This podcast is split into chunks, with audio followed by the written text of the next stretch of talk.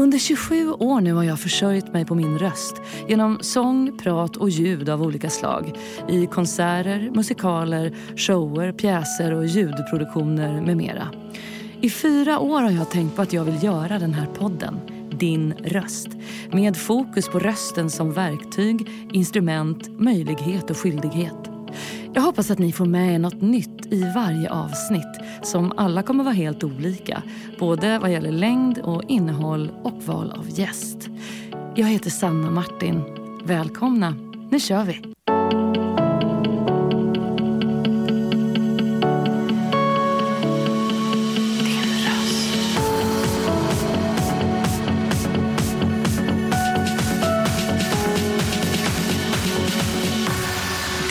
Röst. Jag sänker mig lite där. Men då är vi faktiskt redo. Ja, Välkommen till min podd Din röst. Claes Blomgren. tack Sanna. Kära Claes, säger jag, för du är viktig för, för mig och vår familj. Det här blir ett speciellt samtal.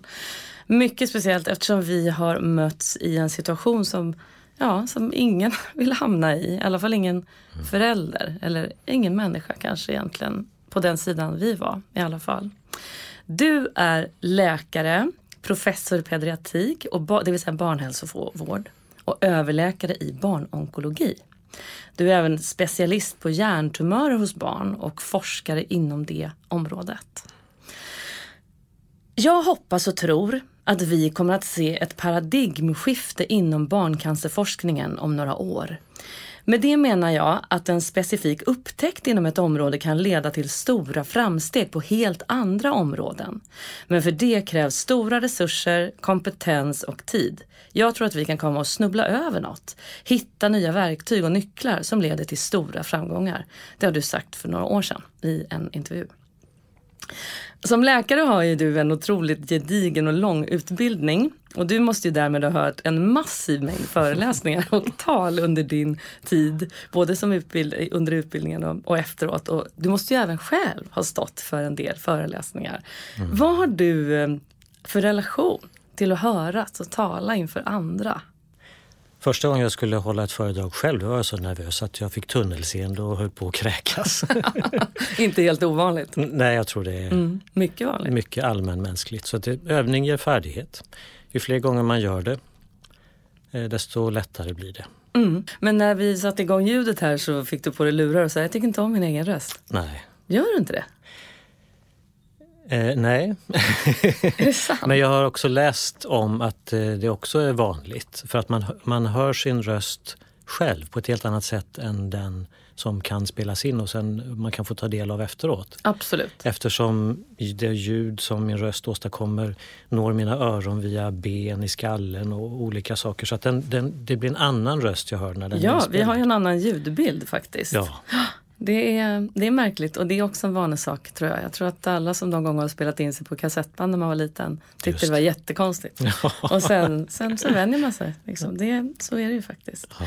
Men å, 1985 började du på läkarlinjen vid Göteborgs universitet. Mm. Hur blev det valet läkare för dig? Det var inte självklart alls. Jag kommer inte från en familj med akademiska traditioner. Men jag var- förstås väldigt nyfiken på medicin som fält. Även om jag hade inte någon egentlig bild av vad det skulle innebära. Jag kom inte in på första försöket. Jag började studera på Chalmers och läste kemiteknik en termin och sen kom jag in på läkarlinjen som det hette då. Ja, just det. Och det är jag väldigt glad för. Aha. Vad gjorde dina föräldrar? Mamma var textillärare och pappa var fotograf. Jaha, där ser man. Och den här långa utbildningen då, tyckte du att det var lätt att ta till sig det som ni skulle lära er? Ja, det som vi förväntade lära oss och tentera av, det var inte svårt. Det var faktiskt mycket svårare att läsa på Chalmers. Det är mycket högre tempo, Aha. högre krav på, på ett annat sätt. Mm. Men på läkarprogrammet så läser man en kurs i taget och man fokuserar på, i, i regel, och tenterar av det och så går man vidare. Sen kan jag ju tycka, och det tror jag att du kommer att fråga mer om sen, att det finns så mycket i, i det här jobbet som man inte kan lära ut. Mm, just det. Det är mycket Men, learning by doing. Ja, mm. och, och, mentorskap och uh, man tar det steg för steg. Men när du då hade läst till läkare så valde du sen att uh, rikta in dig på barn. Mm. Var det ett, ett självklart val för dig? Var det någonting som väckte intresse tidigt under utbildningen?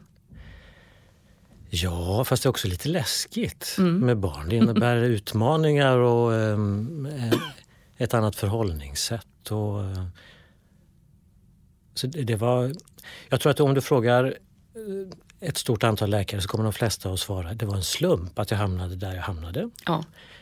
Men jag tror inte på slumpen utan det beror på omständigheter som vi kanske inte riktigt helt förstår. Men i efterhand så ser det ändå logiskt eller rimligt ut att man hamnade där man hamnade.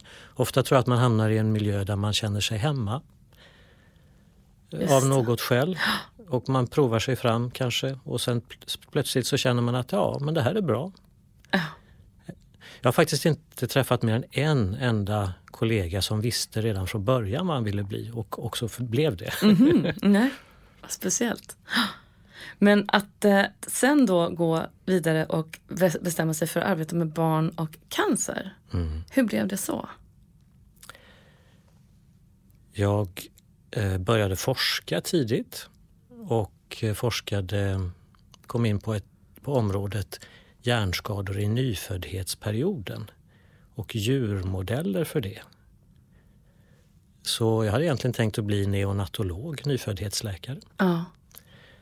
Men av olika skäl så eh, de som jobbade på barnonkologen i Göteborg de stämde ett möte med mig och sa du, du, har en, du har jättemycket kunskap om skademekanismer i hjärnan.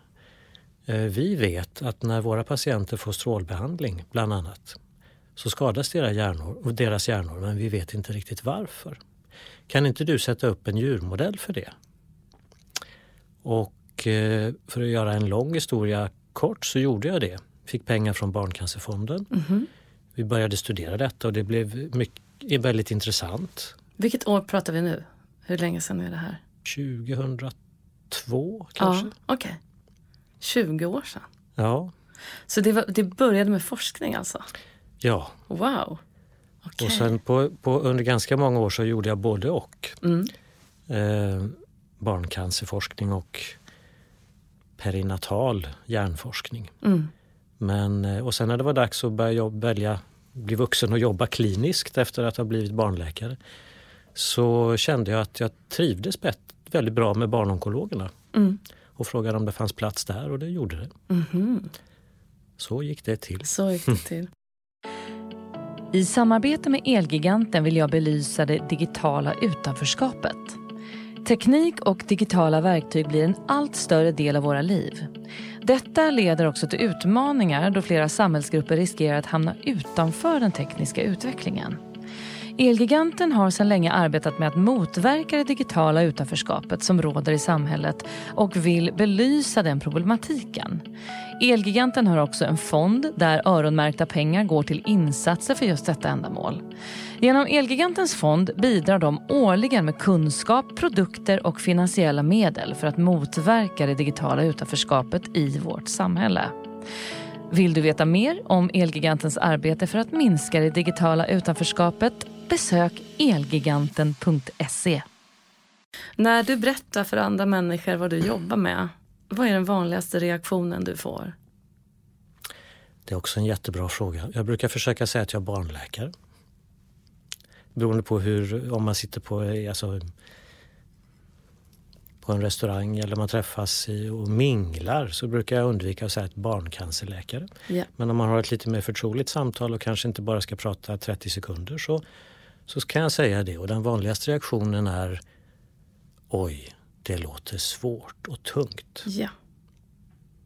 Precis, och det är ju den vanligaste reaktionen när man överhuvudtaget pratar om det här ämnet förstås. Mitt intryck av dig det är att du är en lugn, varm och tillitsfull person som inger stort förtroende. Du tar dig tid, är lyhörd och en ovanligt empatisk läkare i mina ögon. Och du har alltid barnet i centrum när det är med på ett sätt som faktiskt inte alltid är helt självklart för andra. Kan du hålla med? Det var väldigt snällt sagt. Jag försöker sätta barnet i centrum men det är också sånt som jag har snappat upp från andra kollegor som känns så helt så rätt. Mm. Vi ska ta oss tillbaka till det ögonblicket som ehm, för alltid kommer ha etsat sig fast i mig. Den allra första gången vi möttes. Som också är skälet till att vi faktiskt sitter och pratar här idag. Du har varit med om många sådana möten medan jag bara har varit med om ett. Eh, vi hade under en dryg veckas tid förstått att det var något som var fel med vår yngsta dotter Lycke. Som då var sju och ett halvt år. Hon hade fått kraftigt försämrad syn på ett öga. Och när vi blev skickade från en vanlig ögonmottagning till Nya Karolinska så var det som att ett eh, rejält maskineri drog igång. Och det var tydligt att det var något som inte stämde. Och efter några dagars utredning så fick vi tid för en skiktröntgen. Det var en måndag. Ehm, och då på eftermiddagen så fick vi veta att man hade upptäckt en förändring bakom hennes ena öga. Man hade snabbt då dagen därpå ordnat en tid för magnetröntgen. Vilket i sig är väldigt svårt att få en tid för, visste vi ju. Ehm, och dagen därpå var en gråkall novembertisdag 2017 och efter att Lycka hade röntgats så eh, hade hon, hon hade fått lite lugnande där i magnetkameran så att hon skulle ligga still. Då låg hon och dåsade till där på eh, rum 23 på barnneurologen på Nya Karolinska var vi då medan vi väntade på att någon skulle komma och lämna någon form av besked till oss. Och plötsligt så öppnades dörren. Och du kom in i rummet tillsammans med de här två neurologerna som vi hade träffat en del under den gångna veckan. Och då såg jag ju skylten på din rock. Där det stod överläkare barnonkologi. Och då, då förstod vi ju att det rörde sig om, om cancer. Och det här ögonblicket var ju förfärligt. Jag kommer ihåg att jag inte kände mina ben. Men jag minns allt väldigt tydligt. Det hade varit en, eh, en extremt ansträngande vecka när utredningen pågick eftersom vi inte riktigt visste vad man letade efter och det var som att det bara gick runt, runt, runt allting. Sen så var det som att en torktumlare bara stannade när du började prata. För du talade direkt till Lycke. Jag kommer, precis, jag kommer ihåg exakt vad du sa. Du sa, hej Lycke, nu har vi förstått varför du inte ser på ditt öga. Det sitter en slags klump bakom som har tagit synen och det är en tumör. Och du sa väldigt tydligt och raskt att det är inte en dödlig tumör. Du ska få medicin så att du kan fortsätta se på ditt andra öga. Det kommer vara jobbigt och du kommer tappa håret men, eh, och du kommer bli trött men sen kommer det bli bra. Och allt det här gick kanske på en minut. Och jag förstår ju helt att du kanske inte minns det här men eh, vi är en av alla familjer du har mött i en liknande situation. Men för alltid så kommer jag fråga mig hur du gör när du går in till en familj så här första gången och du vet att det du berättar kommer göra dem förtvivlade. Vad tänker du innan du går in? Det är faktiskt en jättebra fråga. Jag blir också eh, berörd när du berättar jag ser hur dina minnen berör dig. Mm. Det var faktiskt, om jag bara får backa lite, så var det nog en, en, mer en slump än du anar. För att att det var just jag. Ja, jag har förstått det. För jag råkade vara jour den dagen. Ja. Och eh, de, de sa uppe på avdelningen att det är en familj här nere som de, de, de vet att någonting är fel men vi måste ge dem ett besked. Kan inte du göra det? Annars är rutinen att man gör det under så att säga, kontorstid. Ja, just under, det. När allting är lugnt och allt fungerar ja, för det här var ju bättre. framåt kvällen. Ja. Mm. Så, eh, men det tyckte jag kändes angeläget så jag gick gärna ner. Och då vill jag ju först förbereda mig och skaffa all den information jag kan mm. förstås. Så att jag säger rätt saker. Just det. Så jag tittade på bilderna och läste röntgenutlåtandet och, eh, och sen gick jag ner. Mm. Och då ser jag ju de andra kollegorna och sköterskorna där som står och är stressade därför att ni är stressade. De plockar upp er stress förstås. Mm. Man blir stressad själv, det är naturligt.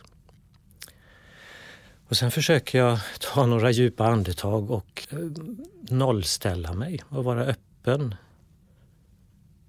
Och ta in det som sker i rummet. Mm. Jag minns faktiskt det här samtalet väldigt väl själv. Därför att det kändes som att eh, det, det blev bra. Mm. Det landade bra hos er för ni är en så bra familj. Ja, alltså det var ju svårt. Jag kommer ihåg att vi hade den här överläkaren som var med från neurologen, eh, en äldre man. Eh, jag frågade honom precis liksom när vi skulle gå hem. Så här, är det här i din värld liksom en, ett katastrofbesked på något sätt? Sa jag. Något sånt där sa jag. Och då sa han så här, vet du, jag, ja, jag vet inte. Nej, det finns, det finns mycket, mycket värre besked liksom att få. Och det förstod ju vi väldigt raskt också. Att det verkligen finns mycket värre besked att få. Men det var ju, det var ju helt klart så att de här åtta, nio dagarna som föregick den här Mm. stunden hade ju varit mycket, mycket värre. För det är ju mycket värre att inte veta. Ja, precis. Och där var det ju också väldigt, det var väldigt tydligt att du, ehm, du sa ju precis det upplevde jag som du var tvungen att säga. Det vill säga du informerade om vad man visste. Mm. Och eh, du sa det som var väsentligt och viktigt. Men när du då, eh, jag tänker generellt att balansera en sån här situation och ha närvaro och kompetens att säga saker på rätt sätt. Eh, jag är ju för evigt tacksam att du förmådde dig att göra det då.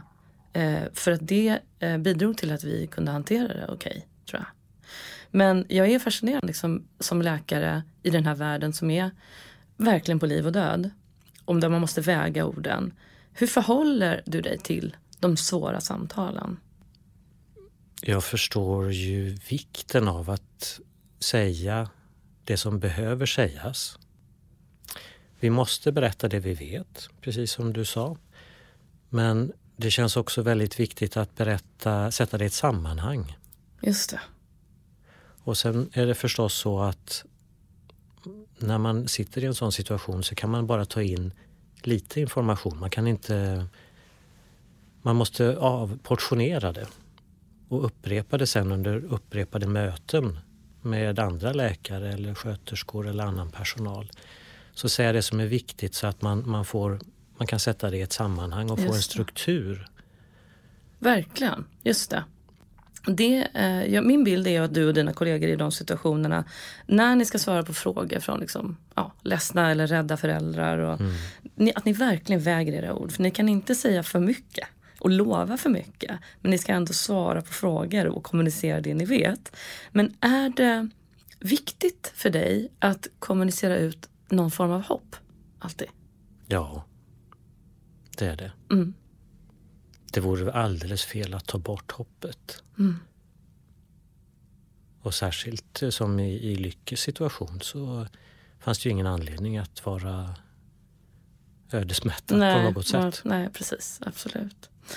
Alltså, det måste ju också vara lite speciellt. Jag tänkte på det då när jag såg din skylt som är på din rock. Att bli en, en person som bara med sin blotta uppsyn kan väcka liksom förskräckelse. Mm. Eh, det måste ju vara jättemärkligt. För det är ju det är inte dig man är rädd för. Det är ju liksom att träffa en barnonkolog kanske. Mm, självklart. Mm. Men lite generellt tänkte jag vi bara skulle prata om några termer som du rör ibland. Och som jag själv nu har fått kunskap kring. En kunskap som jag liksom aldrig har bett om egentligen. Men som har kommit att bli viktig såklart. Hjärntumör. Lyckes tumör heter opticus glioma och är ju en synnervstumör. Men, så den sitter ju inte i hjärnan men den betecknas ju som en hjärntumör eftersom den sitter i huvudet. Och det är därför vi har träffat dig bland annat då. Men hjärntumör till exempel, det är ju mycket mer än en sjukdom. Hur många olika typer av hjärntumörer känner du till? Det där är faktiskt en bättre fråga än du kanske anar. För du vet Därför- inte svaret Eh, själv. ja, det kan jag. Ehm, Därför att det här är ett starkt dynamiskt fält. Vi lär oss väldigt mycket och har lärt oss väldigt mycket de senaste 5-10 åren som gör att vi ritar om kartan Mm. väldigt mycket så att eh, vi klassificerar om dem.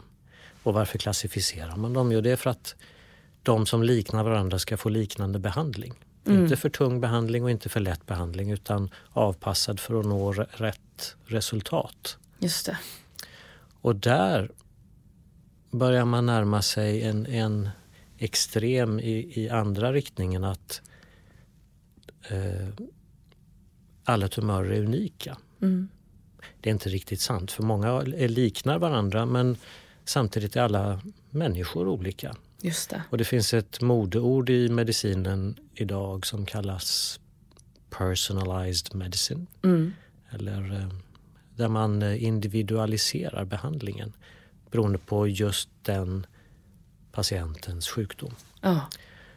Och det finns en extrem åsikt som menar att eh, varje tumör är unik och ska ha sin alldeles unika behandling. Mhm. Riktigt så kommer det inte att vara. Men eh, för att ha svarat väldigt långt på en kort och koncis fråga så, så finns det nog fler hjärntumörsorter än vad vi tror idag. Mm. Just det. Och om någon säger att man har en hjärntumör så är inte det samma sak som att en annan säger att man har en hjärntumör. Det kan vara helt olika, Ja. helt olika prognos och behandling. Och det kommer jag också ihåg från det här ögonblicket. Inte kanske då när vi träffades första gången men sen när, när vi kom tillbaka och vi skulle Eh, Lykke fick ju en sån här portakatt i bröstet, en, en liten knapp för att ge medicin i.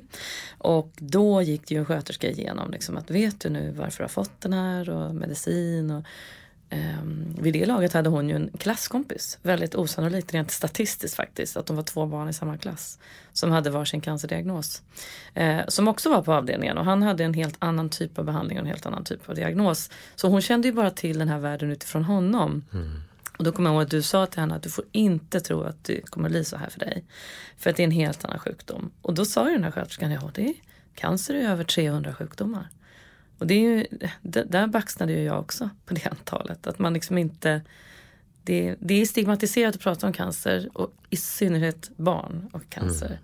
Men det är ju, och det, den ena situationen är ju inte den andra lik. Och vi har stött ihop med så många situationer på de åren vi har varit uppe på sjukhuset. Ehm, men de här olika benämningarna då på till exempel olika hjärntumörer. Det skiljer sig också mellan barn och vuxna ganska ordentligt, eller hur? Mm. Ja, vuxna drabbas av andra sorters hjärntumörer i stor utsträckning. Hmm. Beskrivningar av tumörer som godartade eller elakartade har jag också förstått är, är mm, mer vanliga begrepp i folkmun utanför medicinvärlden egentligen. Ehm, trots att vår dotters tumör då ses som snäll i de här sammanhangen så eh, är det ingen av er läkare som inför oss har sagt ordet godartad. Utan ni har valt att använda ordet låggradig, det vill säga att den har växt långsamt. Hur är det med de här begreppen egentligen? Och vad står de för? Det är, precis, det är precis som du säger. Man delar in, man graderar tumörer baserat på hur snabbt cellerna delar sig i fyra grupper. 1, 2, 3, 4 där 1 och 2 är låggradiga och 3 och 4 är höggradiga. Och 1 och 2 är då godartade skulle man kunna säga därför att de växer långsamt. Och 3 och 4 är elakartade. Just det, Men sen kan en godartad tumör sitta på ett elakartat ställe precis. och ge väl så mycket besvär. Ja. Så att det kan skicka fel signaler. Så ni använder inte de begreppen? Nej, sällan. Nej. Och det tycker jag är jättebra att ni inte gör det. För att det... Eh, jag fick kämpa lite med det där kommer jag ihåg. För att eh, vi har mycket läkare i släkten och därför var det ofta, kom de här grejerna upp. Liksom att, eh, att ni hade sagt låggradig och det hjälpte ju alla. Alla förstod ju vad det innebar. Men då folk utanför medicinen ville ju gärna säga, ja men nu var det godartat och det är ingen fara, då är liksom faran över. Men det sa ju du också jättetydligt i början att det här är en, en ganska snäll tumör men den är väldigt krånglig och kan bråka med, med diverse saker så att det kommer liksom bli jobbigt i alla fall. Och precis så har det ju faktiskt blivit. Jag är ju, eh, nu har jag fått lite distans i den här situationen eftersom hon har varit utan behandling i två och ett halvt år. Eh, vilket gör att när jag pratar om det här, eh, som händer då och då, så tycker jag det är viktigt att liksom belysa att trots att jag vet att vi har varit en av de familjerna som har haft tur, det vill säga vi har haft en låggradig tumör, en tydlig diagnos, hon har haft ett ganska okej läge i hur den är placerad och vad ni valde att göra. Trots allt det så har ju upplevelsen varit massiv att bearbeta. Och stor och ja, dramatisk och en, en sorg att, att hennes uppväxt skulle bestå av så mycket sjukhus. Eh, och allt som det har inneburit. Men där har ju också varit en stor grej att kämpa med som förälder. Att, att, att man får nästan dåligt samvete då när man tar det här kräkande, trötta, bleka barnet som har varit inne sedan åtta på morgonen och så åker man hem vid fem. Och så vet man att man får i alla fall åka hem. För att det finns så många där uppe som inte åker hem. Och den, den balansen har varit jättesvår. Eh, för att jag har upplevt att jag inte riktigt haft rätt till min sorg. När, ja, men du förstår vad jag menar. Det är liksom mm. för att jag har, har, vi har varit de tursamma på avdelningen. När du möter familjer eh, i olika situationer där uppe. En tuff dag på jobbet för dig är ju något helt annat än en tuff dag på jobbet för någon annan. Hur tar du hem det då? Jag försöker komma ihåg ett råd som en intensivvårdsläkare gav en gång på en föreläsning. Att inte låta det landa på köksbordet hemma. Mm. Utan istället bearbeta det med kollegor. Så ni stöttar varann? Ja, vi mm. pratar mycket. Mm. Den är ju ett starkt kollegium. Det är ju inga... Eh, det, nu har vi haft tur tycker jag som har mött... Eh, många som vi har mött upp har varit väldigt, väldigt bra. Och vi har kunnat ha en viss kontinuitet i att det har varit lite liknande gäng, lite samma, samma personer vi har fått stöta ihop med. Och det fina tycker jag var ju extra fint att det var du som också eh, så att säga skrev in henne, gav besked och så vidare. Och hade genomgången med oss i början, det var där i vintern 2017. Och sen även faktiskt var med sista dagen och sista uh, gången som hon fick behandling. Så det, det, cirkeln slöts lite där. Mm. Men en sak som du också gjorde som var så fin, det är att du gick liksom en extra liten mil. För att den dagen eh, som Lykke skulle operera in sin portakatt så skulle de ha en eh, Nobellunch i hennes skola och då gick hon i ettan. Och då var hon ju på vippen att missa det här. Men sen, sen blev det faktiskt så att hon till slut kunde gå. Men då så sa du till henne, men ja, då ska, då ska du få en grej av mig, sa du. Och sen så kom det ett brev en kväll, eller en dag, eh, hem i brevlådan som var till henne. Och så öppnade hon det och där låg det en stor fet chokladmedalj från KI som var en Nobelmedalj och så var det ett brev från dig där det stod att här är en Nobelmedalj till dig Lykke ifall du missar din lunch. Mm. Och det var fantastiskt fint och någonting som kanske tog dig några minuter men det kommer också alltid vara ett eh, minne som har etsat sig fast. Och om alla läkare hade gjort så så tror jag man hade haft en lite annan liksom, mjukvärderad känsla av att gå upp till sjukhuset. För att man vet att man liksom, ja, man har den här omsorgen från en del som är så fantastisk. Det hade jag glömt faktiskt. Hade du? Ja, det har inte vi glömt. inte hon heller. Mm. Men du har ju mött ett stort antal familjer och barn som har behandlats för alla möjliga cancerdiagnoser som du har eh, visat dig vara expert på och tagit fram en plan för. Och om du till exempel träffar barn som har blivit vuxna eller familjer som faktiskt har fått förbli intakta tack vare bland annat din kunskap.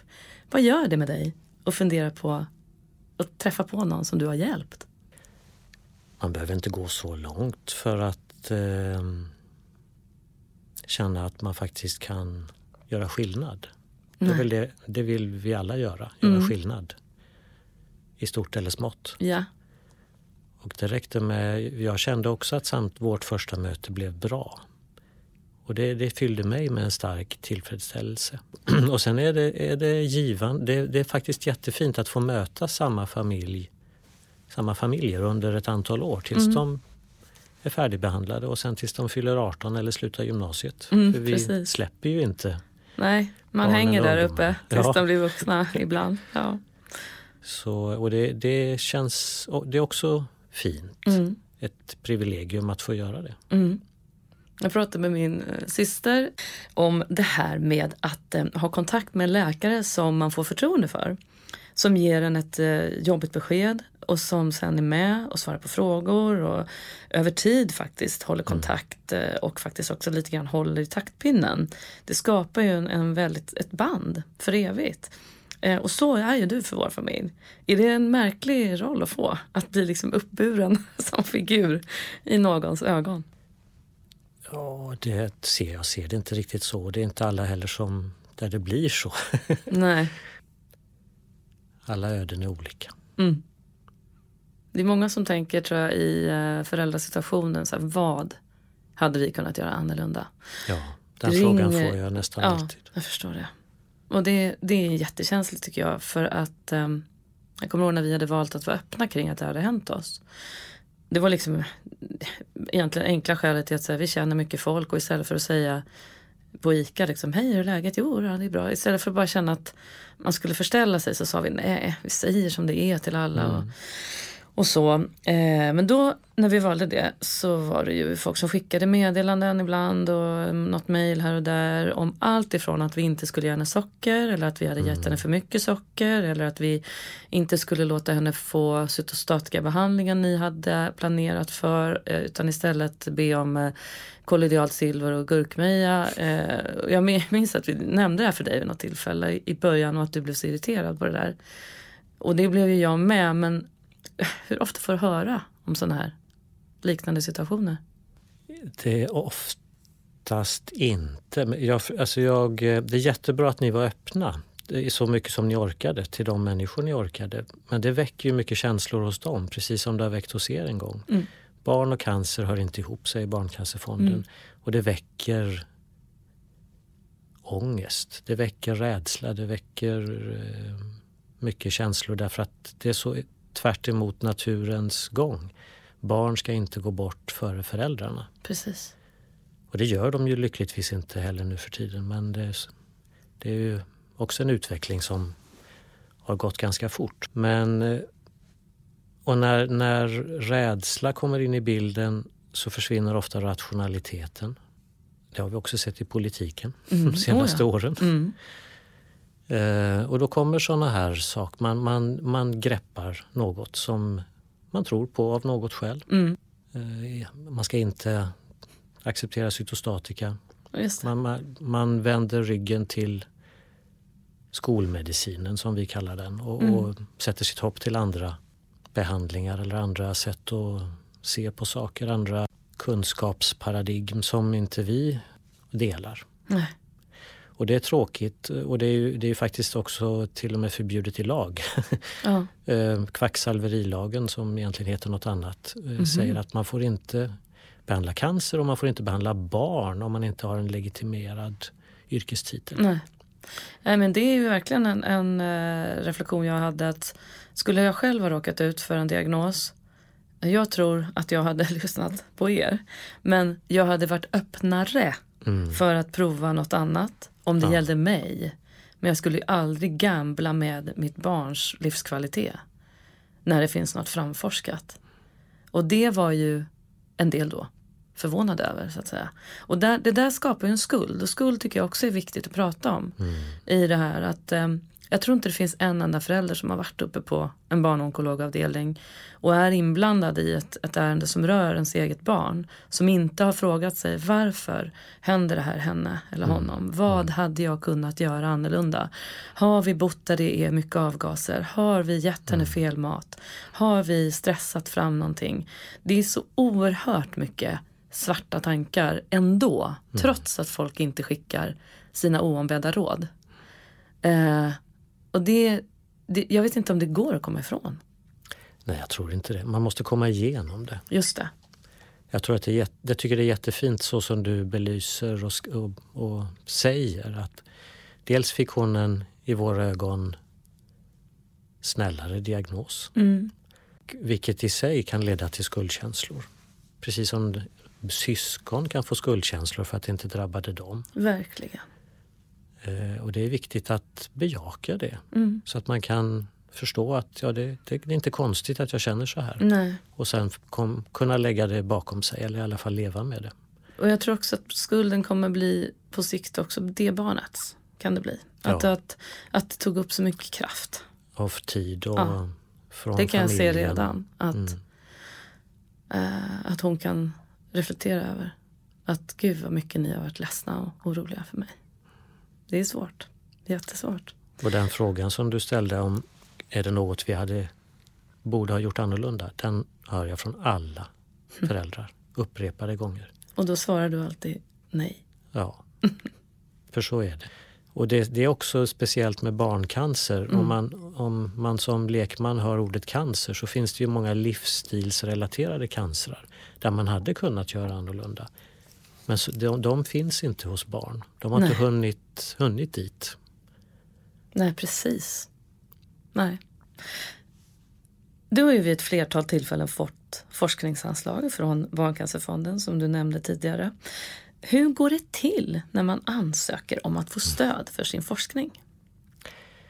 Det är mycket jobb. Ja, jag kan tänka mig det. Man måste skriva ihop en, en ansökan som ska se ut på ett visst sätt. Mm.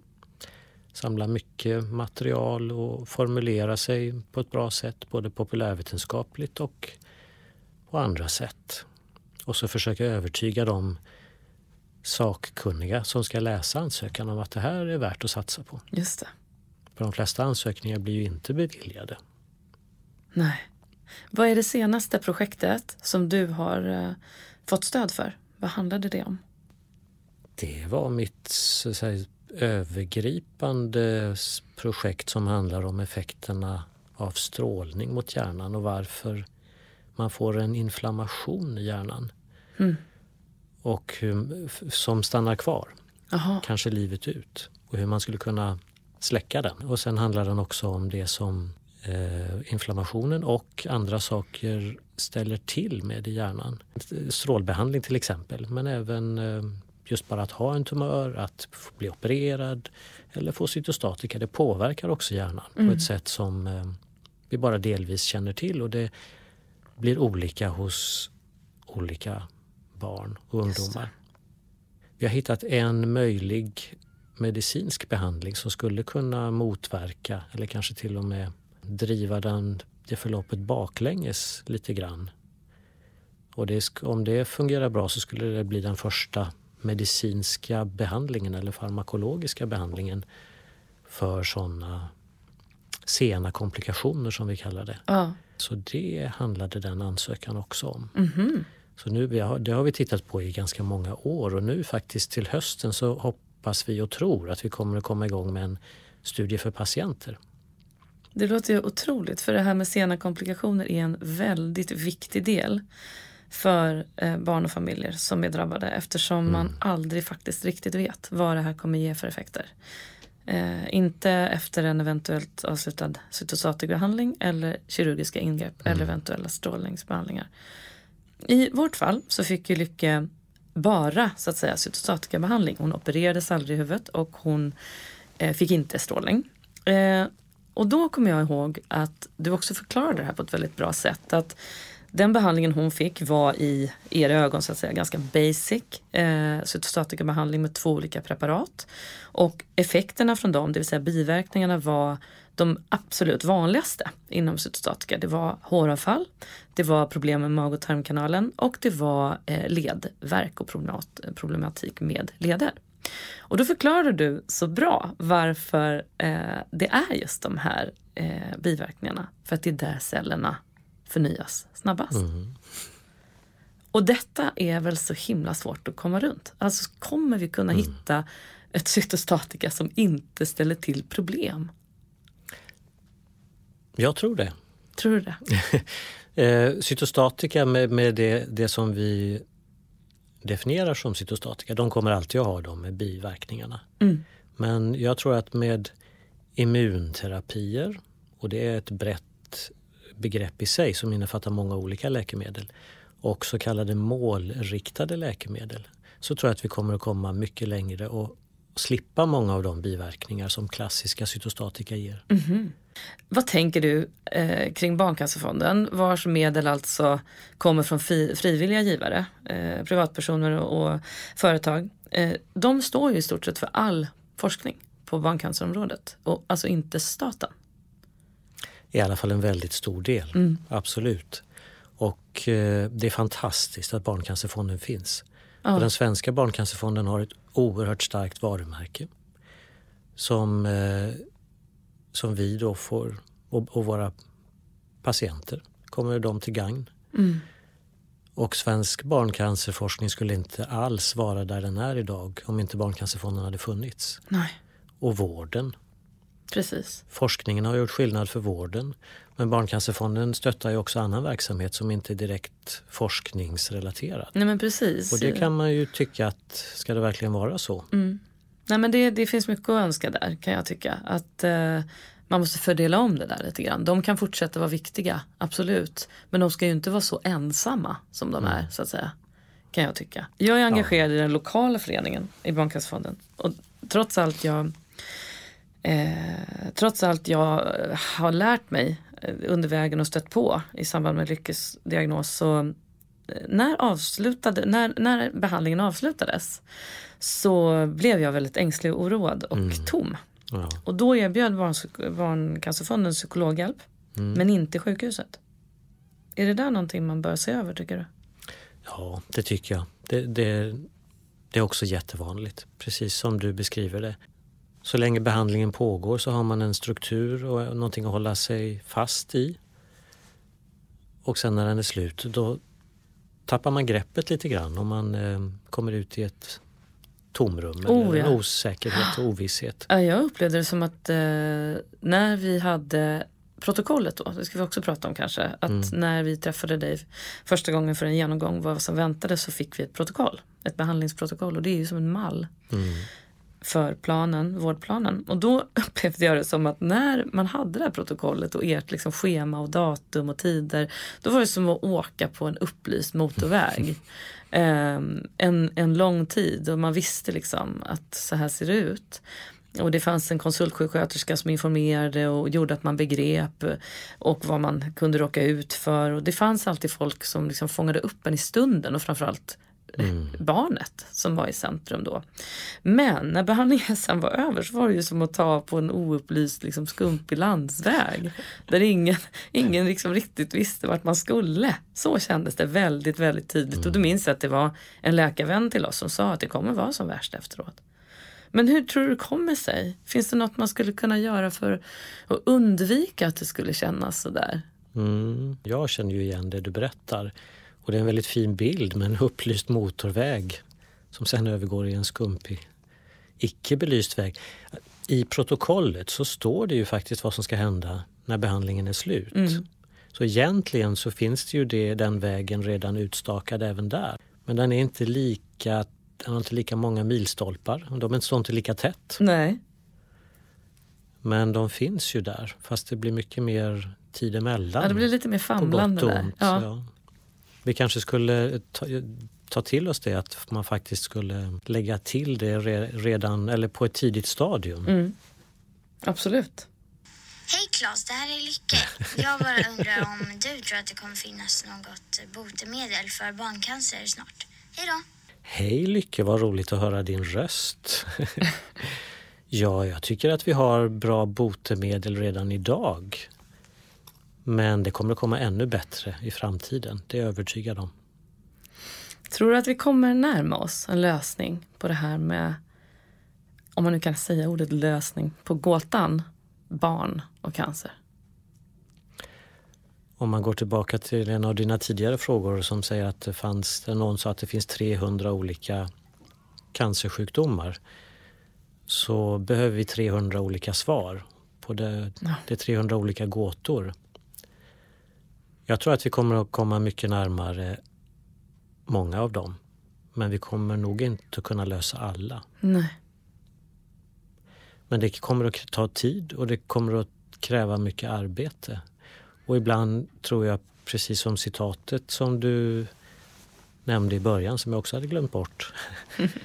att det, det, ibland kommer slumpen att göra att man får en ny metod, en ny teknik som får Nobelpris kanske. Mm. Och som man tänker, jaha, man kan göra så här. Då öppnas nya vägar, man får nya glasögon att se allt med. Nya tekniker att se saker på ett sätt som man inte hade kunnat göra förut. Just det. En grej som jag också tycker var så fascinerande när vi var eh, i en intensiv period av behandlingen och var uppe på sjukhuset mycket.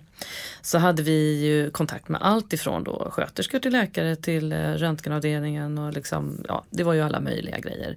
Men en eh, eh avdelning som är väldigt viktig, det är ju lekterapi. Mm, ja, och då hade vi en situation där, eh, för din tid som överläkare eh, och du även inte, som du nämnde, du är inte på avdelningen hela tiden. Eh, den är ju ganska begränsad så att när du kommer, eller när det är liksom, nu kommer läkaren, då är man ju på tårna och den stunden vet man att den inte är speciellt lång. Men då kommer jag ihåg en gång att du kom in där och så var Tobias där inne från mm. lekterapin som var en enormt viktig person för Lycka. Och fortfarande är när hon är där uppe. Varenda gång kommer han upp och cyklar i kapp och grejer. Mm. Då tog du dig tid och bara satte dig och liksom, jaha men berätta vad gör ni? Och, och ja men det tar en tid Tobias och han stod och förklarade något för Lycke och liksom. Det, var också otroligt bra att se hur ni samverkar. Eh, att det finns en sån enorm respekt inbördes för det den ena och den andra gör. Hur är den här typen av lagarbete, skulle du säga, på barncanceravdelningen idag? Jag tror att den är väldigt djupt inarbetad. Eh, det ligger i hela barnonkologins historia. Om vi går tillbaka 50-60 år i tiden så överlevde nästan inga barn i någon diagnos.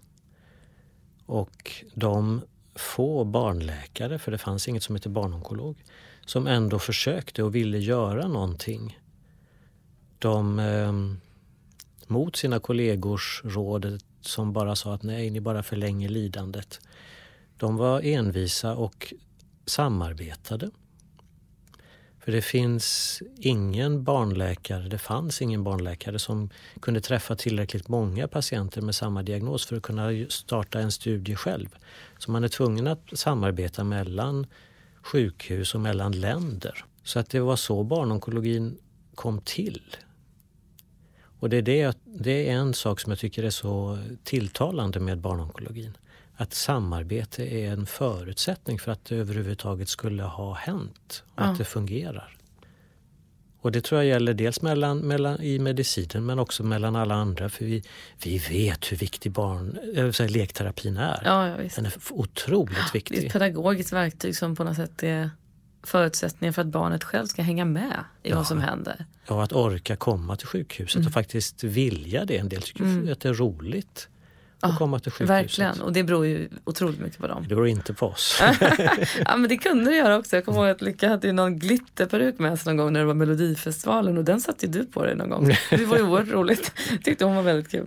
Men eh, du, det är ju riksdagsval om ett mindre än ett halvår mm. nu. Är du intresserad av samhällsfrågor överlag? Ja, det är jag. Finns det någonting i det du ser och möter på ditt jobb som du specifikt skulle vilja att politiker kände till?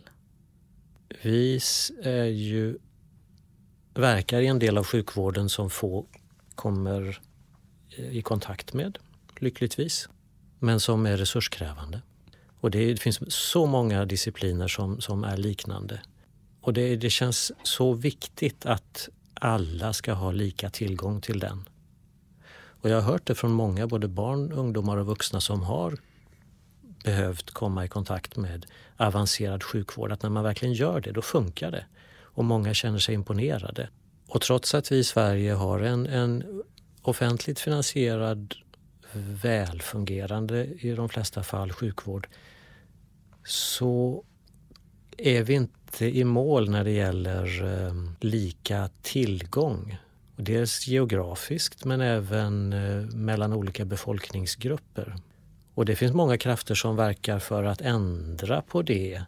För att göra sjukvården mer tillgänglig även för mindre komplicerade tillstånd. Mm. Eh, det har vi sett i Stockholm senaste perioderna, valperioderna. Men det blir på bekostnad av den här mer avancerade vården. Mm. Med de som har många problem. Multisjuka barn till exempel. Barncancervården är prioriterad och den är privilegierad. Vi får de resurser vi behöver. Så det är inte ett, inte ett stort problem för barnonkologin. Nej. Och vi har dessutom Barncancerfonden som pyntar med annan, andra funktioner runt omkring. Just det.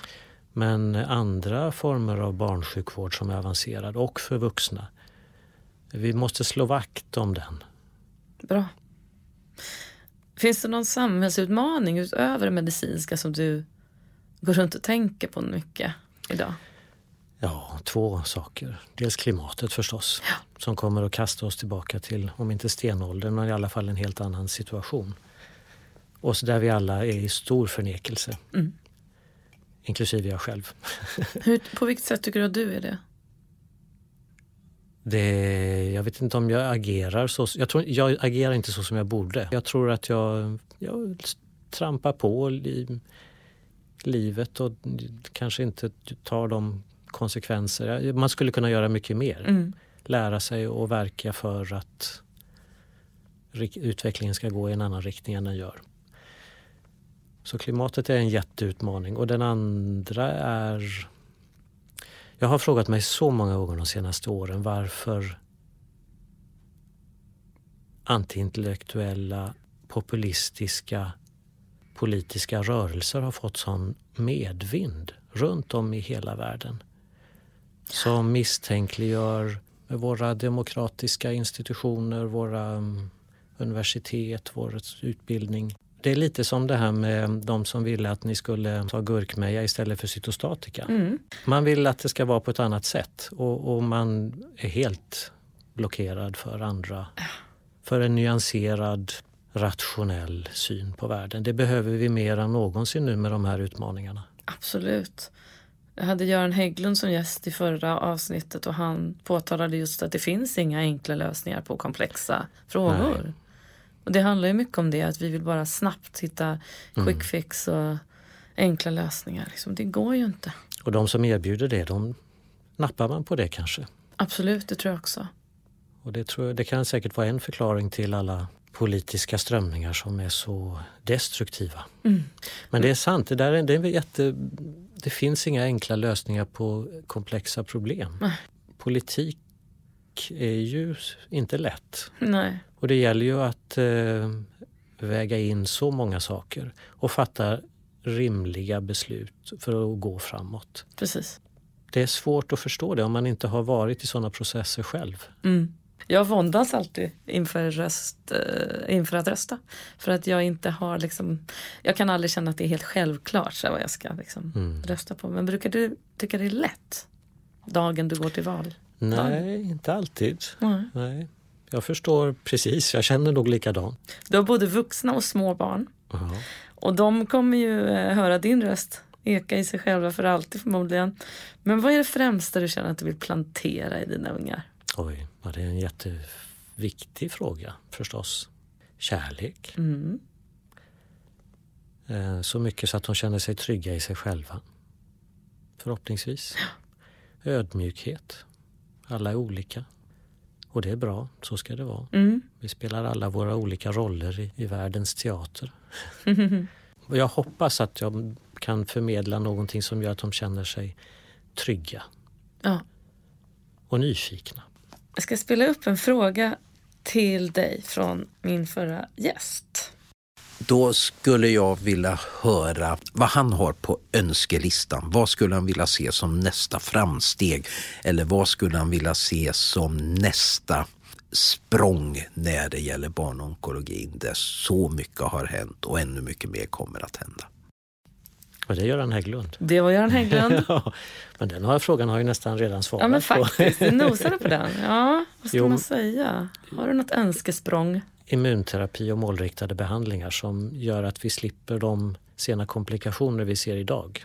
Bra svar. Kanske till priset av andra komplikationer som vi inte kan förutse men jag tror de blir mildare och lindrigare. Kan du berätta bara vad immunterapi faktiskt är? Det är ett samlingsnamn på många olika sorters behandlingar där man på något sätt använder kroppens eget immunförsvar för att attackera tumörcellerna eller för att i alla fall inte stimulera dem. Mm. Och det kan göras på jättemånga olika sätt. Och för olika diagnoser? Ja, Du får gärna skicka med en fråga till min nästa gäst som är skådespelerskan Julia Duvenius. Hur har det varit för dig att vara uppvuxen i Göteborg och flytta till Stockholm? Det, är en, det var ett stort steg för mig när jag gjorde det. Jag hade jättemycket fördomar om Stockholm till exempel. Som ofta, nästan alla kom på skam. Vad kul. Ja. ja, då ska vi fråga henne det. Men om du fick vara minister för ett tag, vad skulle du vara för minister? Och vad skulle du ta tag i först? Och då ska jag påminna mig om det du precis har sagt och Göran Hägglund sa till dig att det finns inga snabba lösningar. Nej. Om jag skulle vilja göra så stor skillnad som möjligt så skulle jag kanske vilja vara statsminister. Bra.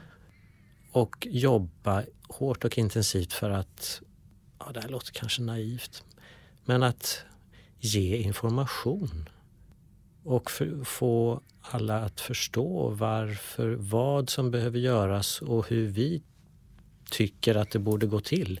Jag förstår ju hur svårt det är att vara statsminister eller vilken minister som helst. Ja. Att vara lekman på något sätt som man bara kan lära sig också genom att göra det. Och ändå väga samman så många olika intressen och faktorer och ekonomi och omvärldsförhållanden och göra det bästa möjliga.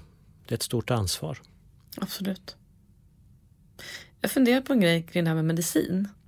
Att eh, jag är jätteintresserad av medicin. Alltså sen alltid eh, faktiskt. Sen lång tid tillbaka. Framförallt kanske beroende på att jag hade väldigt mycket problem med min röst när jag var ung.